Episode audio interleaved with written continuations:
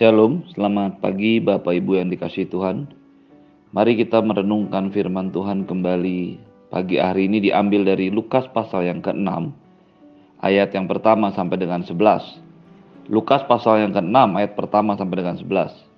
Murid-murid memetik gandum pada hari Sabat.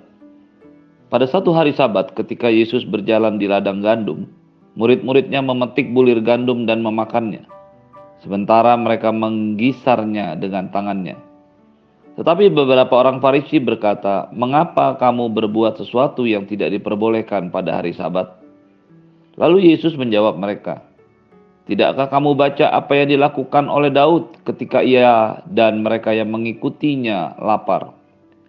Bagaimana ia masuk ke dalam rumah Allah dan mengambil roti sajian, lalu memakannya, memberikannya kepada para pengikutnya?" Padahal roti itu tidak boleh dimakan kecuali oleh imam-imam. Kata Yesus lagi kepada mereka, anak manusia adalah Tuhan pada hari sabat. Pada satu hari sabat yang lain, Yesus masuk ke rumah ibadat, lalu mengajar. Di situ ada seorang yang mati tangan kanannya. Ahli-ahli Taurat dan orang-orang Farisi mengamat-amati Yesus kalau-kalau ia menyembuhkan orang pada hari sabat, supaya mereka dapat alasan untuk mempersalahkan dia. Tetapi ia mengetahui pikiran mereka lalu berkata kepada orang yang mati tangannya itu, Bangunlah dan berdirilah di tengah. Maka bangunlah orang itu dan berdiri. Lalu Yesus berkata kepada mereka, Aku berkata kepadamu, manakah yang diperbolehkan pada hari sabat, berbuat baik atau berbuat jahat, menyelamatkan nyawa atau membinasakannya. Sesudah itu ia memandang keliling kepada mereka semua, lalu berkata kepada orang sakit itu, Ulurkanlah tanganmu. Orang itu berbuat demikian dan sembuhlah tangannya. Maka meluaplah amarah mereka, lalu mereka berunding apakah yang dapat mereka lakukan terhadap Yesus. Bapak Ibu yang dikasih Tuhan, hari ini kita membaca firman Tuhan bagaimana sepertinya dengan sengaja Tuhan Yesus ingin melakukan sesuatu pada hari Sabat. Ketika mereka murid-murid Yesus sedang berjalan bersama-sama dengan Tuhan Yesus dan tiba di ladang gandum orang. Murid-muridnya memetik bulir gandum dan memakannya, sementara mereka menggisarnya dengan tangannya. Apa yang dilakukan oleh murid-muridnya, walaupun itu gandum bukan milik mereka tetapi milik orang lain, adalah sesuatu yang diperbolehkan di dalam hukum Taurat. Di dalam ulangan 23 ayat 25 dijelaskan, dikatakan, Apabila engkau melalui ladang gandum sesamamu yang belum dituai, engkau boleh memetik bulir-bulirnya dengan tanganmu. Tetapi sabit tidak boleh kau ayunkan kepada gandum sesamamu itu. Jadi pada waktu itu orang Yahudi yang hidup di bawah hukum Taurat memang diizinkan untuk mengambil bulir-bulir gandum milik orang lain yang belum dituai asal tidak menggunakan sabit karena mereka tidak boleh mengambilnya untuk dibawa pulang. Mereka boleh mengambilnya ketika mereka lapar, memetik dengan tangan, tapi tidak boleh mengayunkan sabit, menggunakan sabit. Jadi dalam hal prinsip mencuri, murid-murid tidaklah melakukan sebuah kesalahan, mereka melakukan sesuai dengan apa yang Taurat sudah sampaikan kepada mereka. Yang menjadi persoalan bagi para orang Farisi yang melihat murid-murid Yesus memetik bulir gandum dan memakannya. Mereka berkata, "Mengapa kamu berbuat sesuatu yang tidak diperbolehkan pada hari Sabat?" Kita tidak mengerti apa yang dimaksudkan persis sebenarnya oleh orang Farisi, sesuatu yang tidak diperbolehkan pada hari Sabat.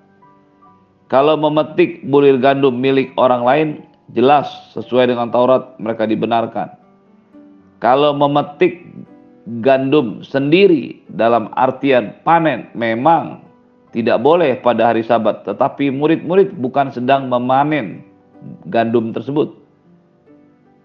Kalau tentang memakan makanan pada hari Sabat, mereka diperbolehkan memakan makanan. Jadi sebenarnya apa yang dilakukan oleh apa yang dilakukan oleh murid-muridnya tidaklah melulu sesuatu yang melanggar hukum Taurat dalam arti ini sesuatu yang tidak diperbolehkan pada hari Sabat. Itu sebabnya Yesus menjawab mereka, Tidakkah kamu baca apa yang dilakukan oleh Daud ketika ia dan mereka yang mengikutinya lapar? Bagaimana ia masuk ke dalam rumah Allah dan mengambil roti sajian, lalu memakannya dan memberikannya kepada pengikut-pengikutnya. Padahal roti itu tidak boleh dimakan kecuali oleh imam-imam. Kata Yesus lagi kepadanya, anak manusia adalah Tuhan pada hari sabat. Jadi ketika kita mempelajari firman Tuhan ini, kita menemukan sebuah keanehan yang mungkin bisa sedikit lebih jelas ketika Anda dan saya coba kembali kepada bahasa asli atau bahasa awal ketika surat ini, kitab ini ditulis. Menurut King James, hari Sabat yang dimaksudkan ketika Yesus berjalan dengan murid-muridnya bukanlah hari Sabat biasa. King James menuliskan hari Sabat itu adalah sebagai the second Sabbath after the first. Artinya, Sabat yang mereka alami atau mereka rasakan pada waktu itu adalah Sabat yang kedua dari yang pertama setelah perayaan Hari Raya Roti Tidak Beragi. Yang dimaksudkan adalah orang Yahudi memiliki perhitungan-perhitungan tahun, hari, bulan menurut cara mereka sendiri. Jadi ini adalah hari sabat pertama setelah hari kedua dari hari raya roti tidak berarti. Ketika mereka menetapkan perayaan hari raya roti tidak berarti, lalu kemudian mereka mulai menghitung sabat yang pertama, kedua, ketiga sampai yang ketujuh, baru tibalah hari raya Pentakosta. Jadi mungkin saja orang-orang Farisi beranggapan bahwa pada hari raya Sabat yang kedua setelah hari raya kedua dari hari raya roti tidak beragi ini itu adalah sesuatu yang khusus. Hari Sabat yang pertama dari hari raya roti tidak beragi ini adalah sebuah sabat yang khusus yang sebenarnya mereka lebih kusuk lagi, mereka lebih sungguh-sungguh lagi melakukan firman Tuhan. Sehingga bagi mereka mungkin mengambil bulir gandum dan makannya adalah sebuah pelanggaran. Bukankah kemudian Yesus menceritakan kembali apa yang terjadi dalam kisah ketika Daud dan para pengikutnya sedang melarikan diri dari Saul. Mereka tiba di rumah Allah di mana Imam Ahimelek ada di sana. Dan Daud dan pengikutnya yang lapar memaksa Daud untuk meminta roti kepada Imam Ahimelek yang bertugas pada waktu itu.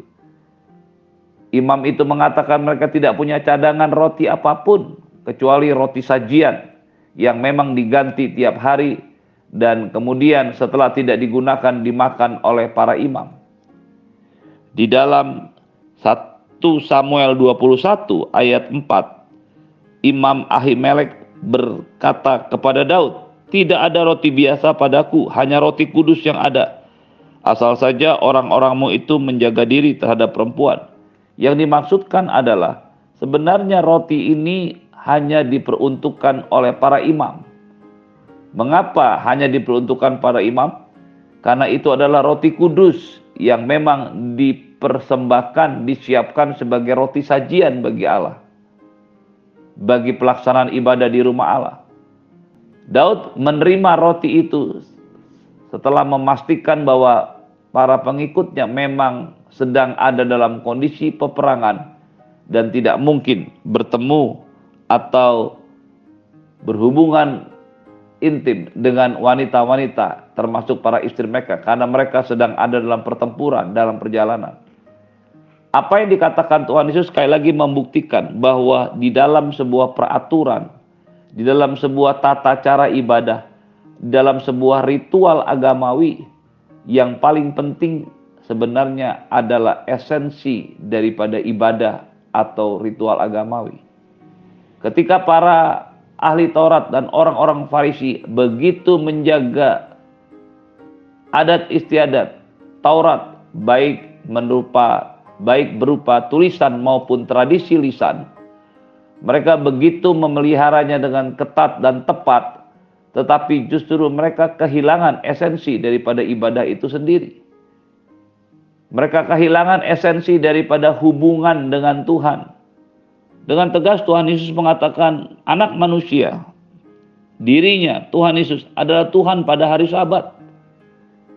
Semua yang dilakukan oleh Tuhan Yesus menunjukkan bahwa hubungan dengan Tuhan sesuatu yang lebih berguna dari semua persembahan.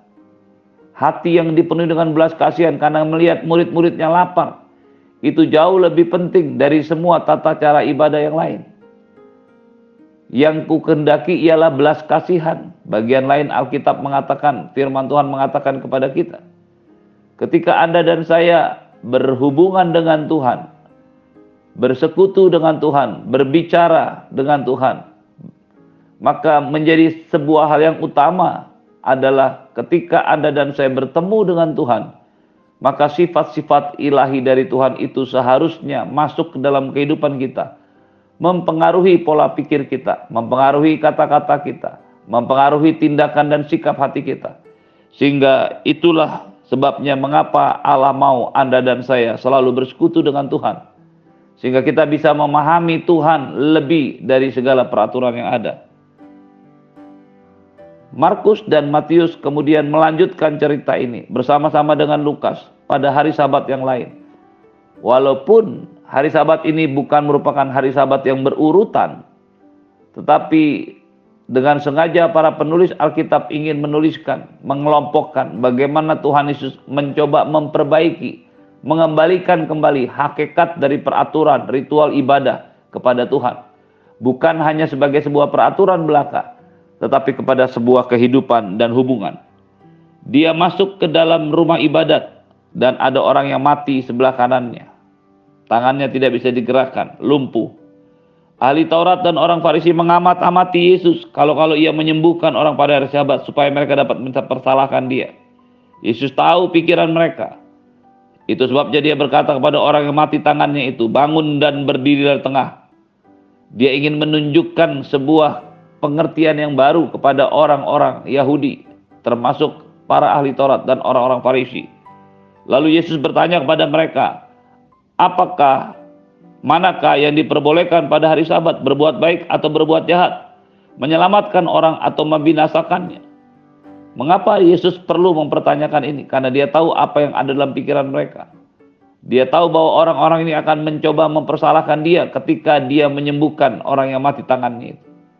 Tapi bagi Yesus, pengajaran ini mengajarkan kembali kepada para orang Farisi, para ahli Taurat.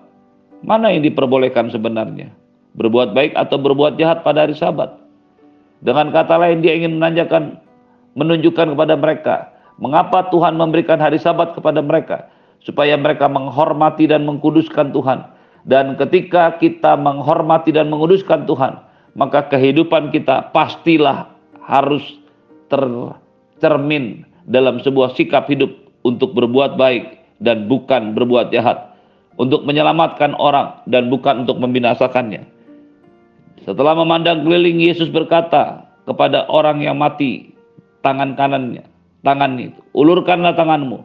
Orang itu berbuat demikian dan sembuhlah tangannya.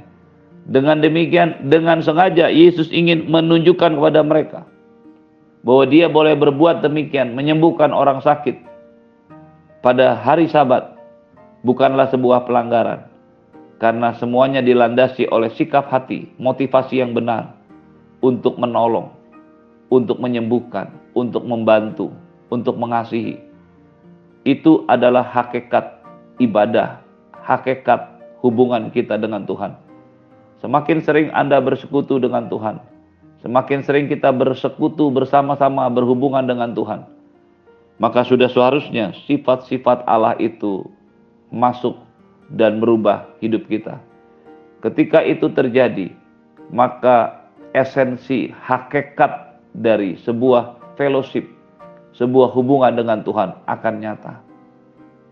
Dengan sengaja Tuhan Yesus melakukan semua ini pada hari Sabat untuk menunjukkan bahwa Tuhan ada di atas segala-galanya, termasuk segala peraturan tata cara ritual agamawi apa pun yang ada. Kita harus menempatkan Tuhan sebagai Tuhan penguasa bukan hanya atas hari Sabat, tapi atas seluruh hidup kita. Bukan hanya atas seluruh hidup kita, tetapi atas semua yang Anda dan saya bisa lakukan. Pastikan semua yang kita lakukan dalam hidup ini, dalam bekerja, dalam berbisnis, dalam berumah tangga, membina keluarga, maupun dalam pelayanan, kita hanya memuliakan Tuhan saja, menghormati, mengasihi Tuhan, dan sungguh-sungguh menghargai kasih karunia anugerah yang Tuhan berikan kepada kita. Ketika kita mampu melakukan itu, maka ibadah kita menjadi sebuah ibadah yang berkenan di hati Tuhan dan menyenangkan Dia. Terimalah berkat yang berlimpah-limpah dari Bapa di surga, cinta kasih dari Tuhan Yesus, penyertaan yang sempurna daripada Roh Kudus, turun ke atasmu hari ini dan sampai selama-lamanya. Dalam nama Tuhan Yesus semua yang percaya katakan, amin. Shalom, selamat pagi, selamat beraktivitas. Tuhan Yesus memberkati. Shalom.